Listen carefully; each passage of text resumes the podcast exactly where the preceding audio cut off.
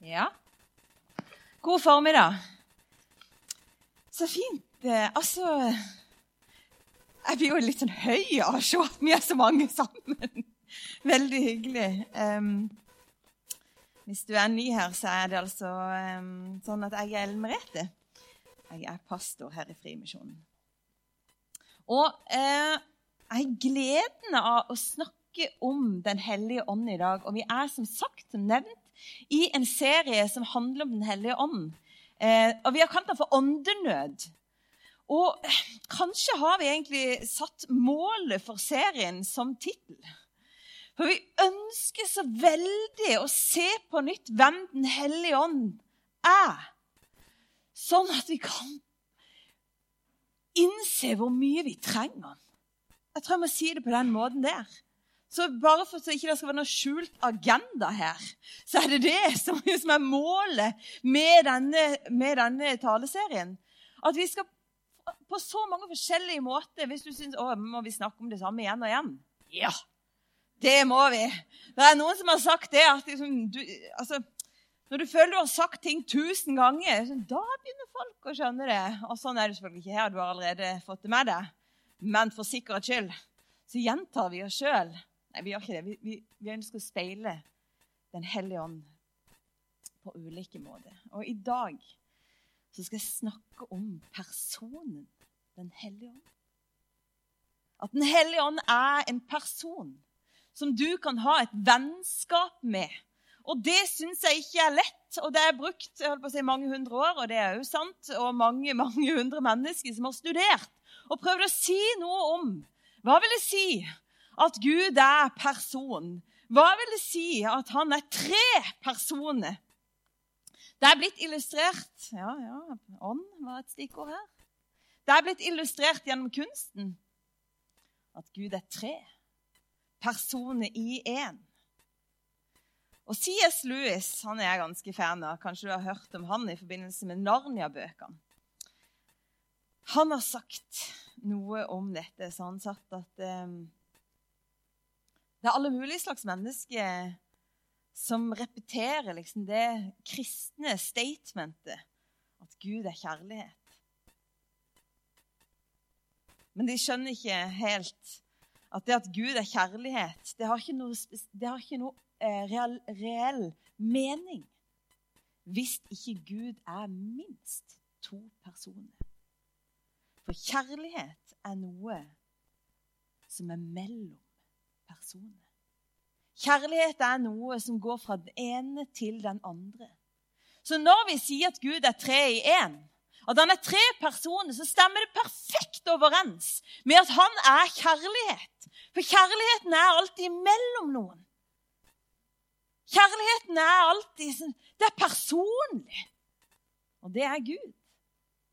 Han er i sitt dypeste vesen kjærlighet. Nå tror du kanskje at jeg skal snakke veldig mye om det, men jeg skal komme meg videre. Jeg hadde bare lyst til å si det, at Den hellige ånd, han er en av de tre i guddommen. Jødene sa Gud er én. Ja, han er én guddom. Og vi som Hans kirke, vi erkjenner at han er tre. Det er et mysterium. Jeg har gjort liten, et lite forsøk sjøl på å tegne han. Tenk det. Jeg lot meg veldig inspirere av dette. Og syntes at de fargene var så nydelige.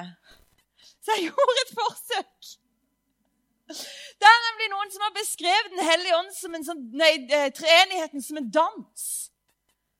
Faderen, skaperen, han som skapte alt, han som elsker mer enn vi kan forstå. Jesus Kristus, frelseren som gir hele seg sjøl for oss, og Den hellige ånd som blåser liv inn i alt som lever. De tre de er alltid sammen. Og så er det en som har beskrevet, bl.a. Peter Haldorf har plukka dette opp, at de er som i en dans. Der Gud er, der er det lek og dans, der er det glede. Og jeg, av en eller annen grunn, når han sier det, så får jeg en sånn assosiasjon til sånn derre hva er det heter for noe? Sånn russisk, ja, østeuropeisk Jeg ser liksom for meg at de går i takt, og de går alltid den samme veien. De har alltid den samme hensikten, de har alltid den samme gleden, det er alltid den samme melodien i Gud. Men de er sammen, disse tre, alltid. Og så sier han det så fint Peter Haldorf at gjennom Jesus har Gud åpna opp. Og så kan vi få lov til å bli med i denne dansen. Tenk det.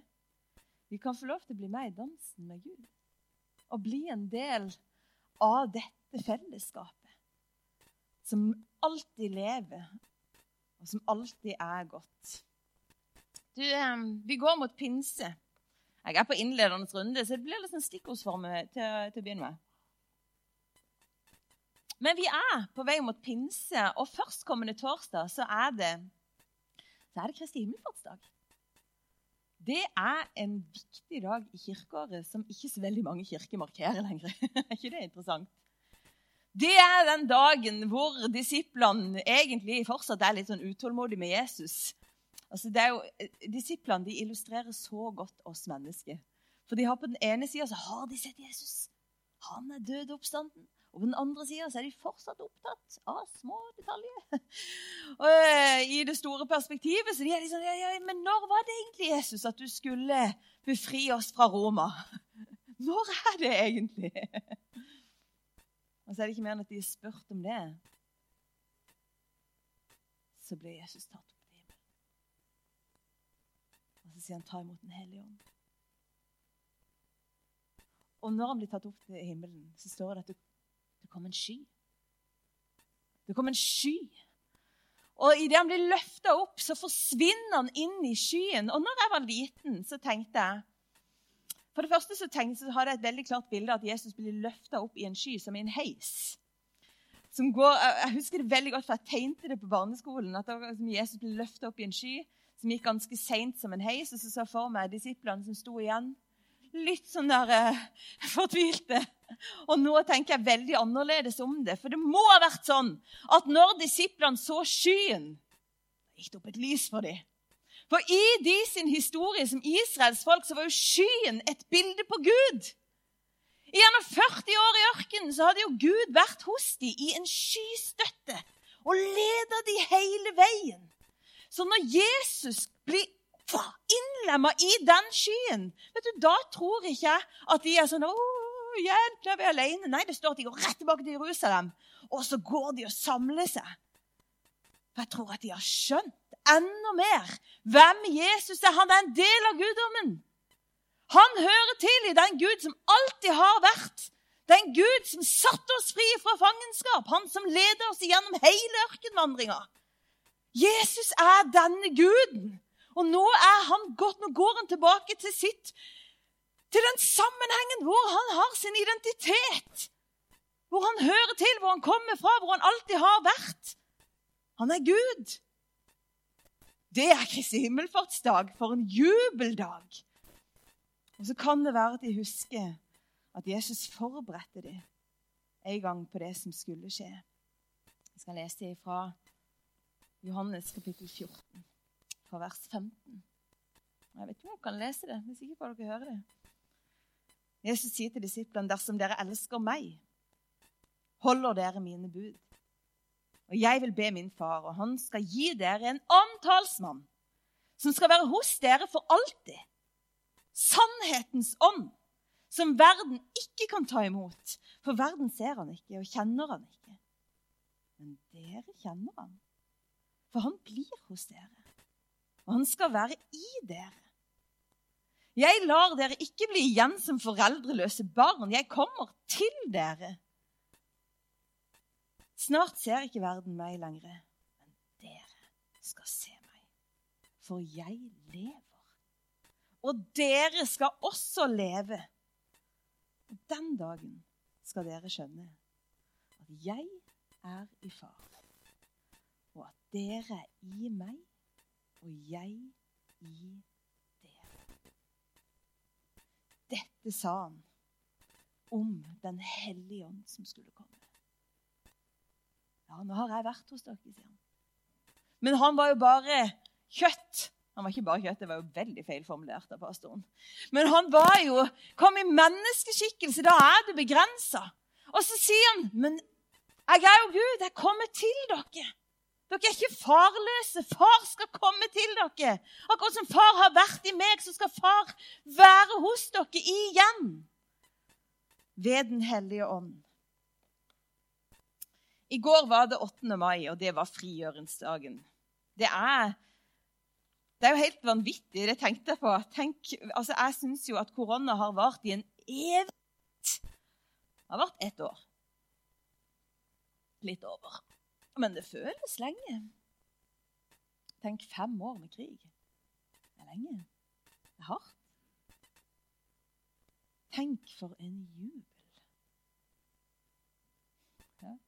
kom jeg på en gammel sang. Tenk for en jubel. Tenk for en jubel! Den dagen, 8. mai. Herlighet! Og jeg har fortalt det før her, men nå sier jeg det igjen. Jeg spurte mormor og morfar hvordan var det da de var barn. Kan du tenke deg å være den der 10-12-13 år når 8. mai kommer? Du husker jo ikke at det ikke har vært krig, vet du. Da spurte jeg hvordan var det frigjøringsdagene. Og mormor er litt lei seg, for hun lå på sykehus med blindtarm på 8. mai. Men så sa hun Det var som om et stort, svart bånd hadde vært over oss. Og så slapp det taket. Sånn var frigjøringsfølelsen for de. Og nå skal jeg fortsette talen. Og Det kan være at du syns han er litt barnslig. Du trenger ikke være redd. Det er ikke for å fornærme deg. Det sier mer om meg enn det sier om deg. Men jeg har tatt utgangspunkt litt i det der krigsbildet når jeg skal fortelle videre om Den hellige ånd. Fordi at C.S. Lewis, som jeg nevnte, han har en illustrasjon i fortellinga om Narnia som jeg syns er helt fantastisk. Å, nei, du, å ha mange papirer, det er jo altså skrekken. Men i fortellinga om Narnia så møter vi Aslan. Og Aslan er et bilde på Gud. Og Lucy er et av menneskene som får møte Aslan. I Aslan så er skaperen. Og i Aslan så er òg han som gir hele sitt liv. Hvis du har sett filmen eller lest boka, så vet du det. At når mennesket ikke får det til, så legger Aslan sitt eget liv, sin egen løvekropp, på on the stone table, på steinbordet. Da legger han seg ned, og han lar seg Han lar seg fornedre. Og Det er historien om et vennskap mellom Lucy og Aslan som er så vakkert. De blir kjent i Guds rike.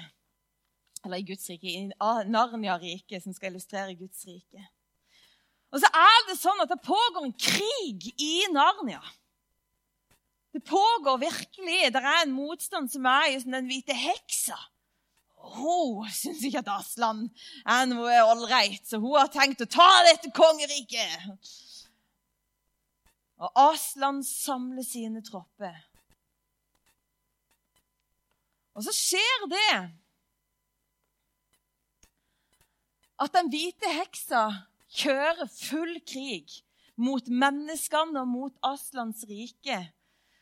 Og Til å begynne med så ser det litt sånn der fortvilende ut. Hun går rundt og hun har en forferdelig egenskap. Hun peker på folk, og så blir de til stein. Akkurat som hun peker på folk, og så slutter de å leve. Så tar hun fra dem livet, og så blir de om til sånn der, Så stivner de. Og så er det masse sånn statuer rundt forbi i Narnia-riket. Fordi at mennesker har slutta å leve sånn som de opprinnelig gjorde. da. Så blir det noen sånne saltstøtter som ikke kommer noen vei. Det er et veldig godt bilde på sånn som livet kan oppleves. Sånn kan jeg ha det. Det er ikke sånn at jeg ikke kan ta et steg. Det kan man jo ikke hvis man er en saltstøtte eller en steinstøtte. Men jeg kan kjenne det. At av og til så rammer livet meg på en måte som gjør at jeg kommer ingen vei. Jeg ser ingenting. Og det som er tingen når alle er statuer, Nå glemte jeg jo altså. Når alle er statuer, når alle er blitt om til noen sånne steinstøtter, da har de ikke kontakt med hverandre engang. De bare står i hvert sitt. Ja, jeg var opptatt med det. Ja, jeg var opptatt med det. Så står de så fast i sitt eget. Det er utrolig god illustrasjon på hvordan livet kan oppleves Og nå skal jeg si noe om den andre verdenskrig. Den ble ikke vunnet den 8. mai. Den ble vunnet den ble vunnet den 6. juni 1944, for da var invasjonen i Normandie. Og det var helt sinnssykt. Hør på dette. Altså, dette er jo skrevet ned, for det var jo så vilt. Der var det 24 000 fallskjermsoldater, 7000 skip, 156 infanterisoldater, 5400 jagerfly og 3000 bombefly. De gikk til krig! Eller de gjorde et, hva heter det, en operasjon Neptun, heter det. Og der og da, den 6. juni, så er seieren på en måte allerede vunnet. Men fortsatt så erfarte de krigen helt fram til 8. mai. Og selv om Aslan hadde vunnet seieren på steinbordet, så var det sånn at de fortsatt hadde en opplevelse av å være i krig. Den hvite heksa rykker stadig fram. Og hun har med seg en bøling av noen ekle krek og kryp. Hvis du ser filmen, så er det jo helt motbydelig å kikke på. Og de har, de agenda. Det er å stjele, myrde og ødelegge. Det som fins i Narnias rike. Og det sier faktisk Bibelen at det er en som har lyst til å gjøre i våre liv. Å stjele, myrde og ødelegge. Ja. Sånn at vi blir stående og ikke kan bevege oss. Eller vi kjenner at 'neimen, livet mitt, det har ingen kraft'. Nå står jeg bare stille og føler at jeg visste. Sånn kan det se ut. Sånn, sånn, ser det egentlig ut for de menneskene som kjenner Aslan i Narnias rike. Så er det sånn det ser ut. Det er jo veldig irriterende for dem. at Krigen begynner på en måte før, de, før, de, før Aslan har vist seg skikkelig. Så I begynnelsen av krigen så er det sånn at de har en følelse av å være litt alene. De har fått noen gaver fra Aslan. De har fått noe sverd. Og så har de fått en bue. Og så har de fått noen sånn dråpe. Men det er en sånn opplevelse at kjære, kjære tid Nå taper vi. Nå går hun bare på. Og så bare blah! Det er som hun bare meier ned livene våre.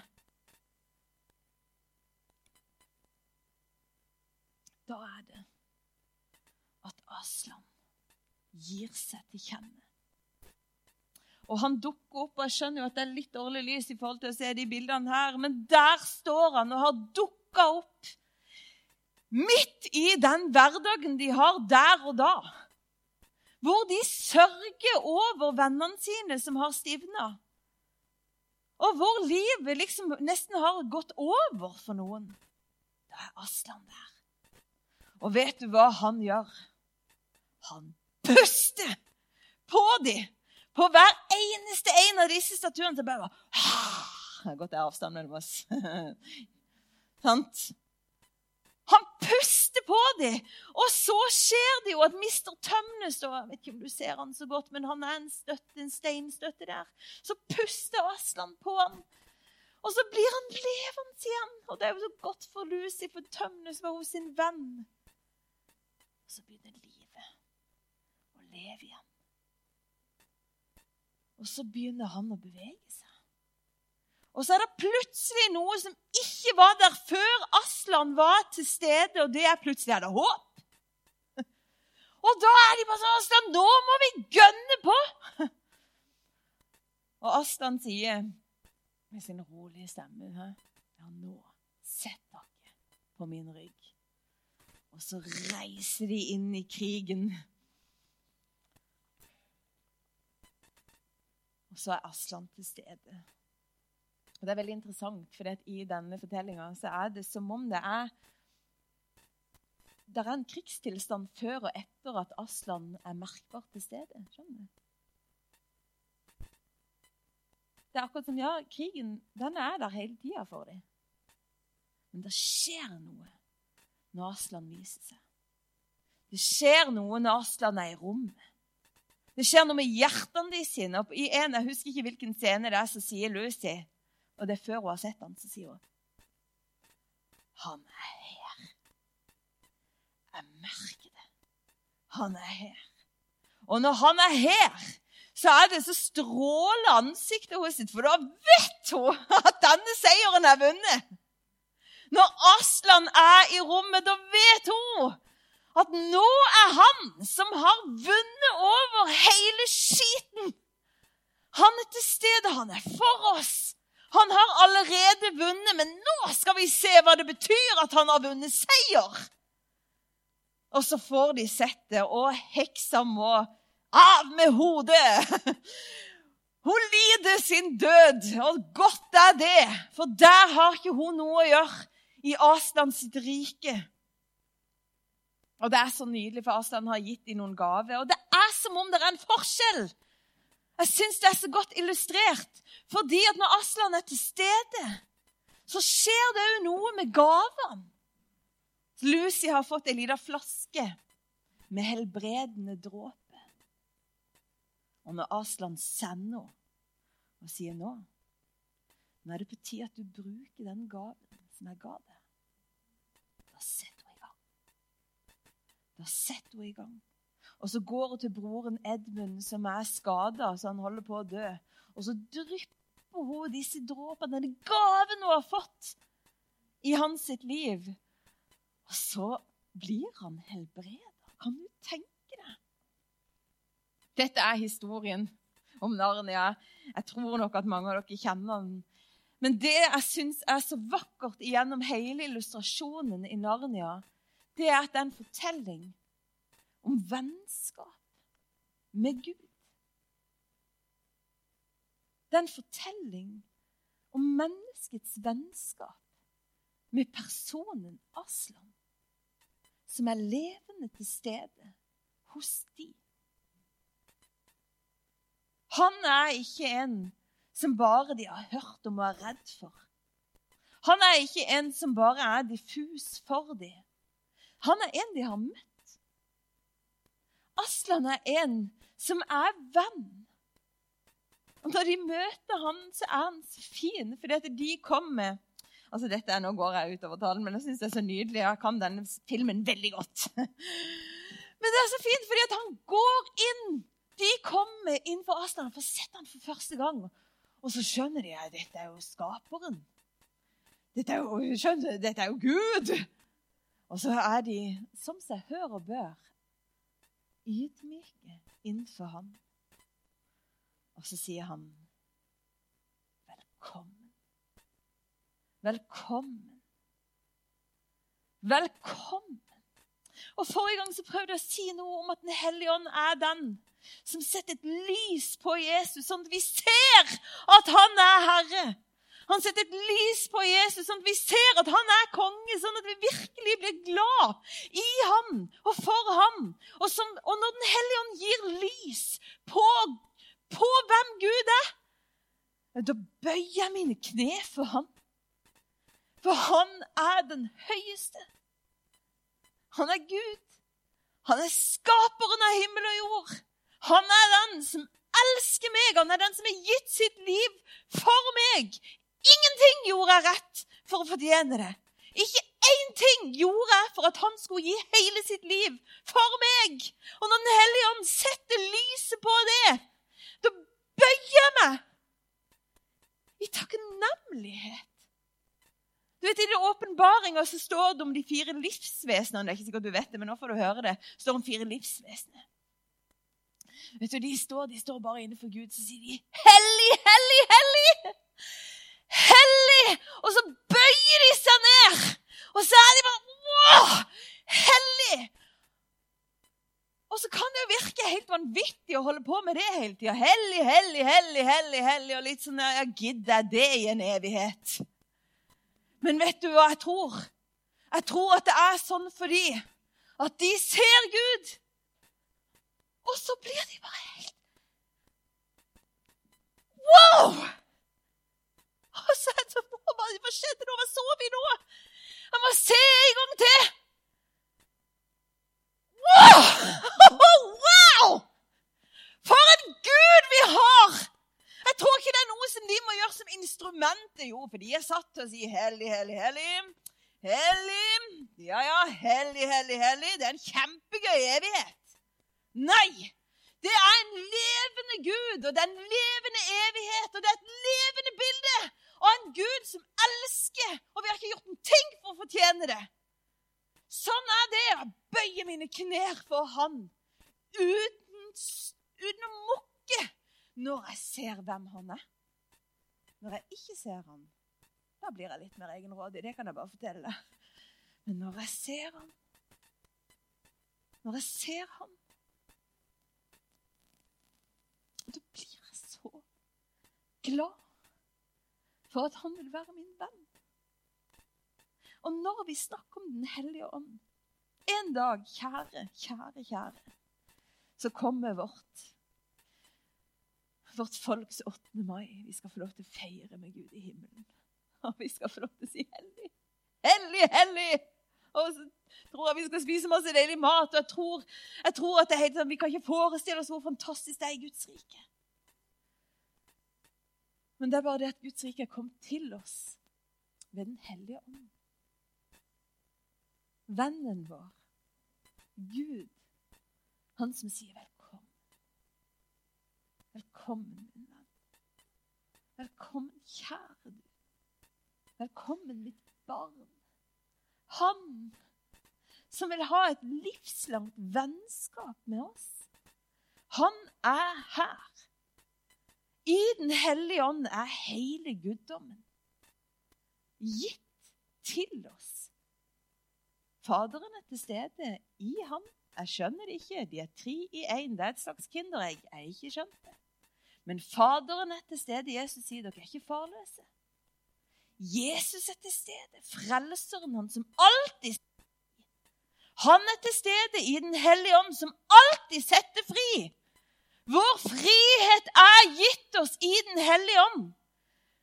I Bibelen så står det han er panten på vår arv. Han er forsmaken på himmelriket. Han er den som er gitt oss, som levendegjør virkeligheten som er i Gud. Og Jesus har gått inn i guddommen, og vi er invitert med på den dansen. Inn der. Og hvordan ser det ut? Jo, det ser ut som et vennskap med Den hellige ånd. Å kjenne Han. Og jeg har tenkt på det, fordi at opp igjennom så kan man jo lese og jeg tror fortsatt at det er sånn at det er mange som har en enorm frykt for Gud. De er redd for ham. Eller han er litt sånn lunefull. De er ikke sikre på hvem han er, men han er jo skaperen av himmel og jord, og så har han gitt liv på korset, og det er fint. Og la meg være klinkende klar på en ting, og det er at frelsen, den henger på Jesus Kristus på korset. Det er en historisk hendelse 2000 år siden. I det fikk vi vår frelse. Ved å ta imot Jesus Kristus så har du tatt imot frelsen. Men du har òg fått noe annet. Du har fått Den hellige ånd som livslang venn. Og Du kan være frelst fordi du har tatt imot Jesus, men du kan ha et levende liv fordi du utvikler et vennskap med Den hellige ånd. Han er Gud personlig til stede for deg. Han er Gud personlig til stede i deg. Han er den som vil bane vei. Han er den som møter deg der du er, og der du trenger. Og det er så fint. Fordi at, Jeg vet ikke hvor godt dere ser, men er, gjennom Lucy sitt vennskap med Aslan så blir dette illustrert på så mange forskjellige måter. Hun hiver seg inn i manen eh, Manken, jeg husker ikke hva det heter, inn i hårene sitt. Når hun er så dypt fortvila og kjenner at ingenting ble sånn som det skulle. Ingenting ble sånn som det skulle, så hiver hun seg inn i håret hans. I denne frodige løvemannen. Og hos Den hellige ånd. Vet du hva det står om han? Han er trøsteren. Han er trøsteren. Han er Gud til stede hos deg som trøster deg i din nød. Og du trenger ikke Det kan godt være at du er skyld i det sjøl, skjønner du. Det tror jeg ikke er så viktig for han, for han har lyst til å trøste deg. Han har medlidenhet med deg. Han kjenner livet ditt. Og han sier 'velkommen inn i min manke'. Kom og søk trøst hos meg. Og det er så vakkert fordi at hun kommer. Hun kommer og setter seg hos ham. Og så snakker de sammen. Og så kan hun høre hans stemme, og så lytter han til hos sin stemme. Det er en ordentlig relasjon. Tilbake. Hvordan ser kjærlighet ut? Jo, det er en ordentlig relasjon. Den hellige ånd. Han er den som vil ha en ordentlig relasjon, som elsker og elsker og elsker. og Derfor har han jo full respekt. Han lytter og lytter og lytter. Det er ikke sånn at din mening og ditt liv er helt sånn irrelevant for ham. Nei, han lytter. Velkommen. Velkommen, kjære du. Kom og øs ut hjertet ditt. Kom og del dine tanker. Jeg husker ikke hvem av dere som sa det. Og de har velsigna oss så rikelig. Det må jeg bare få sagt denne helga. Men så, så, jeg tror det var du, Julie, som sa det. Ja, ja, så snakker jeg, med, snakker med Gud, og så hører jeg Så sier jeg hva jeg tenker, og så spør jeg hva han tenker. og så... Og så er det liksom sånn, ja, så ser vi. Kanskje er vi enige. Skjønner du, det er en ordentlig samtale. Er vi enige, Gud? Det var det du sa. Sjekk en samtale. Er vi enige, Gud? Hva tenker du? Hva tenker jeg? Og så er det en ordentlig relasjon, for man lytter til hverandre. Og i den relasjonen, sjekk det der bildet nederst, hvor Lucy bare får sett hvor mektig han er. Når Aston brøler, så høres de hele Narnia. Og hun står rett på sida. Det syns jeg er så fint. Hun er ikke skvetten. Nei, nei, nei, for hun kjenner han. Hun vet hvem han er. Hun vet at han er seierherren. Det er kongen hos sin, og han må bare brøle. La det lyde, det som han har å si, for det er godt. Og helt til hva blir det for dere sin venstre, så ser du at de går ut i krigen sammen. Og det som er så vakkert, det er at når hun ser han her et sånt bilde, at hun ser det nederste bildet da, Det har gått lang tid det har gått lang tid siden sist Lucy så Aslan når dette bildet kommer på skjermen. Det har gått lang tid. Og Sånn kan det jo være i livet. Det kan føles som det er lenge siden jeg har sett noe til Gud. Lenge siden jeg har kjent Han. Og så ser hun ham, og så lyser hun opp. Hvorfor det? Jo, fordi at hun kjenner ham. Hun kjenner ham. Jeg har noen mennesker i livet som eh, er av typen du merker det hvis de er der. Skjønner du? Du merker hvis de er i rommet, og det kan jo være på godt og vondt. Det er jo Noen eh, gir seg jo til kjenne på en måte som du kjenner det var godt, at, det var godt når du, Fint at du kom, godt at du gikk. Nesten litt sånn, sånn. Hvis man kommer, Jeg kan være litt sånn sjøl hvis jeg er irritabel. Det vet jeg. Da kan det ofte merkes i rommet. Ja, kan merkes. Men så er det noen mennesker som har det med seg. De kommer inn i rommet, så er det bare godt. Deilig når de er på plass. Er liksom, da, er, da, er, selve tryggheten etablert.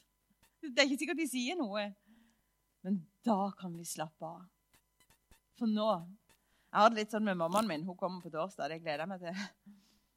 Når mamma er der, er det et eller annet som faller til ro.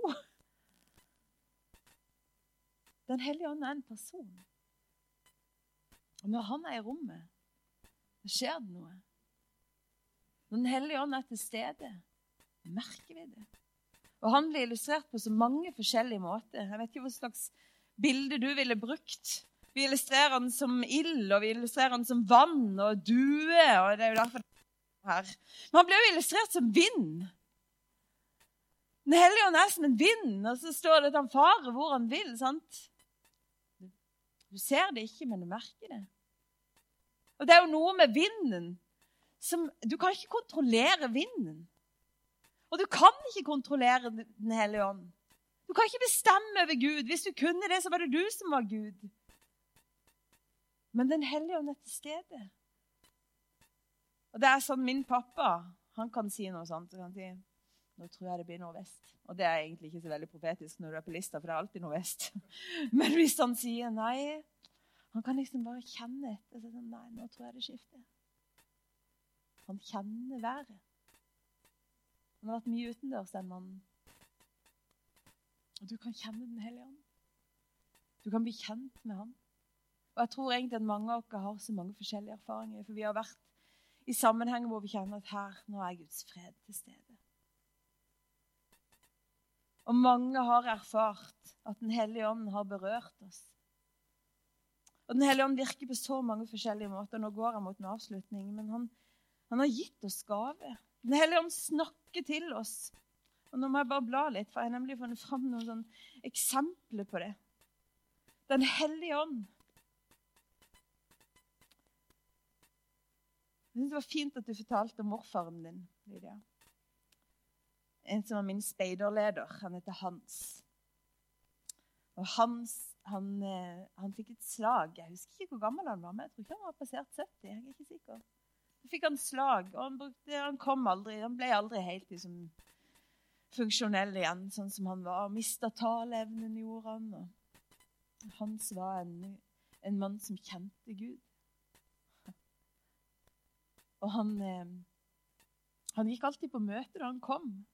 Halve ansiktet var på en måte nede. og og han kunne ikke snakke, men Men på et møte, da, så, så, sier, Terje Vatne, som kanskje noen kjenner, han var pastor i Farsund på den tida, og, og Hans var i rommet, så sier Terje Hans, kan ikke du be en bønn om at Gud skal møte oss?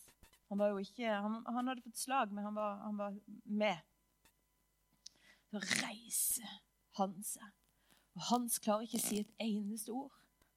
Han fikk ikke talen tilbake. Det skjedde ikke. Men han reiser seg opp.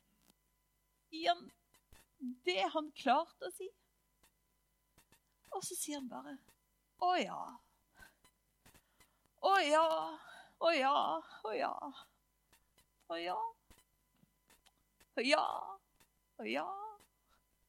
Så uttrykker han med de ordene han har. Kjære Gud, jeg kjenner deg. Kom med ditt nærvær. Og så bah, skjer det noe i rommet som gjør at mennesket plutselig bare blir så dypt berørt, og noen gråter. Og opplever at Gud kommer og er til stede. Og Hans står der. altså Apropos i vår svakhet, ja, så står han der å ja. Å ja. Å ja. ja. Han kjente Gud! Han kjenner Den hellige ånd, og nå er han hos ham i evigheten. Men han kjente ham, og han visste at når jeg påkaller ham med de få og stakkarslige ordene jeg har, så kom han. Og han vil være her, og han vil berøre, og han vil trøste, og han vil oppmuntre, og han vil styrke. Og han vil gi nytt liv der det ikke ser ut til å være nytt, nytt liv. Der det ser ut til å være helt stivna. Nei, der kommer han og puster. Sånn at det blir levende. Hvis det er sant at Gud finnes, da er han den som gir liv til alt. Derfor er vi her. Derfor er vi her. Tidligere denne uka så hadde jeg det sånn, jeg var så utrolig sur på Gud. For jeg har en sorg i livet som handler om noen mennesker som jeg bare ikke ser at Gud griper inn hos. Og jeg kan bli så rasende på Gud! Og jeg er så veldig uenig han at ikke han bare kan gjøre sånn som jeg syns virker helt enkelt. Og så snakka jeg med en veldig god venn av meg. Og så egentlig bare altså, Ja, igjen, her er, her er pastoren. Men Egentlig så skjelte jeg ut Gud bare at jeg gjorde det til kameraten min. Kan ikke skjønne hvorfor han er sånn! Skjønner ikke hvorfor ikke han gjør dette! Skjønner ikke hvorfor ikke han hører! Skjønner ikke!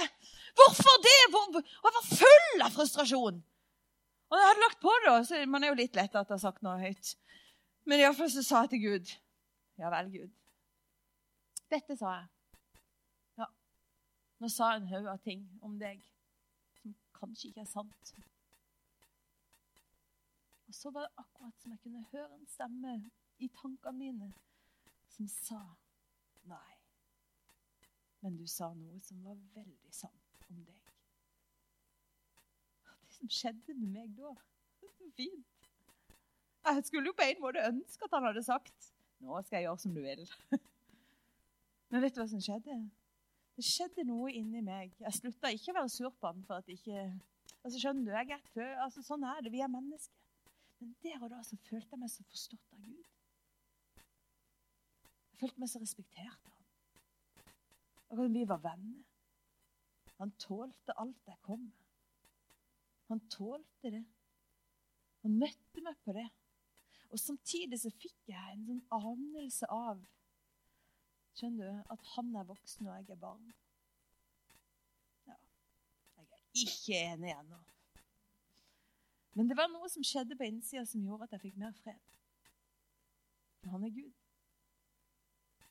Noe der skjedde.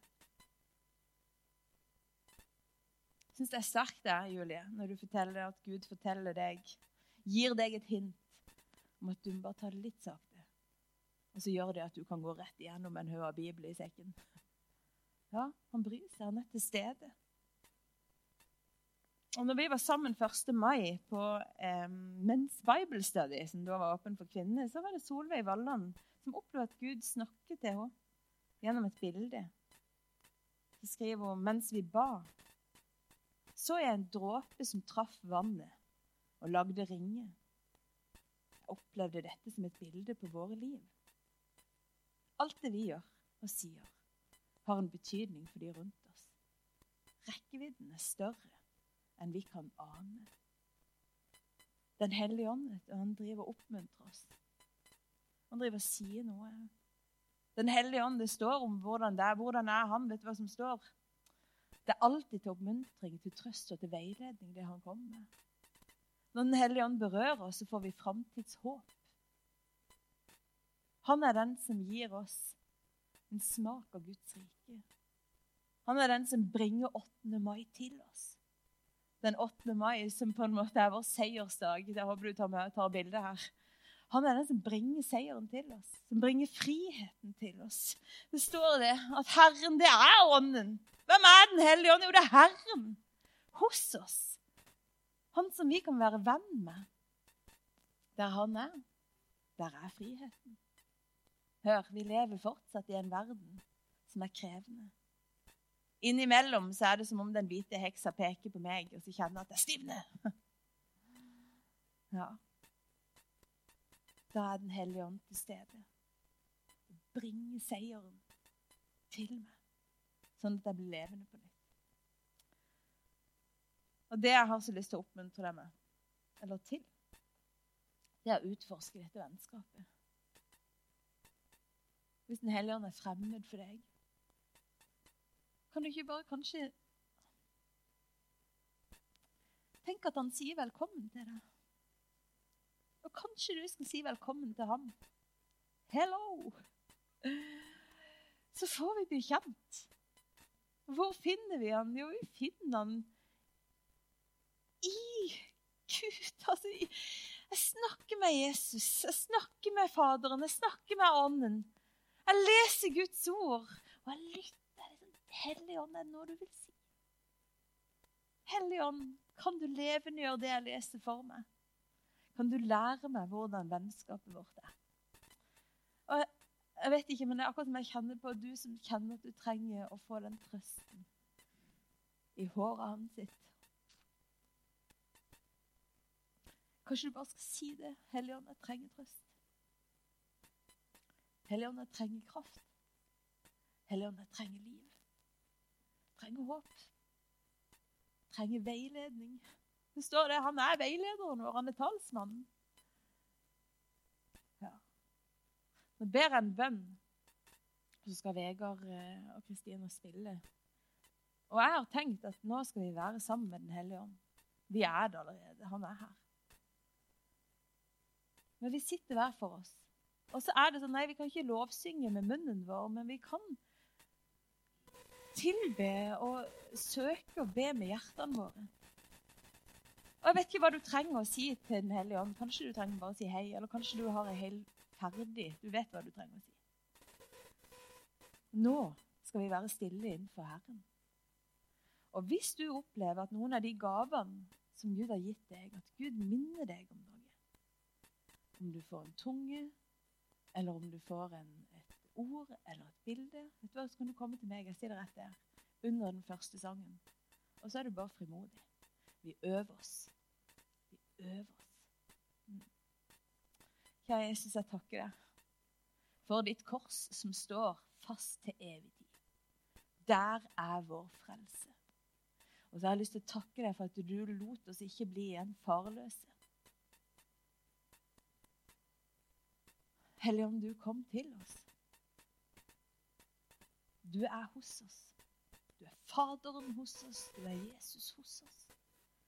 Du er deg som skaper stadig noe nytt. Jeg skjønner det ikke helt, men jeg vet at det er sant. Og du kjenner oss, og nå ber jeg deg om at du skal gjøre oss kjent med deg. Enda mer. Enda dypere, Herre. Kom og gjør det bare du kan gjøre. Berør våre liv og våre hjerter.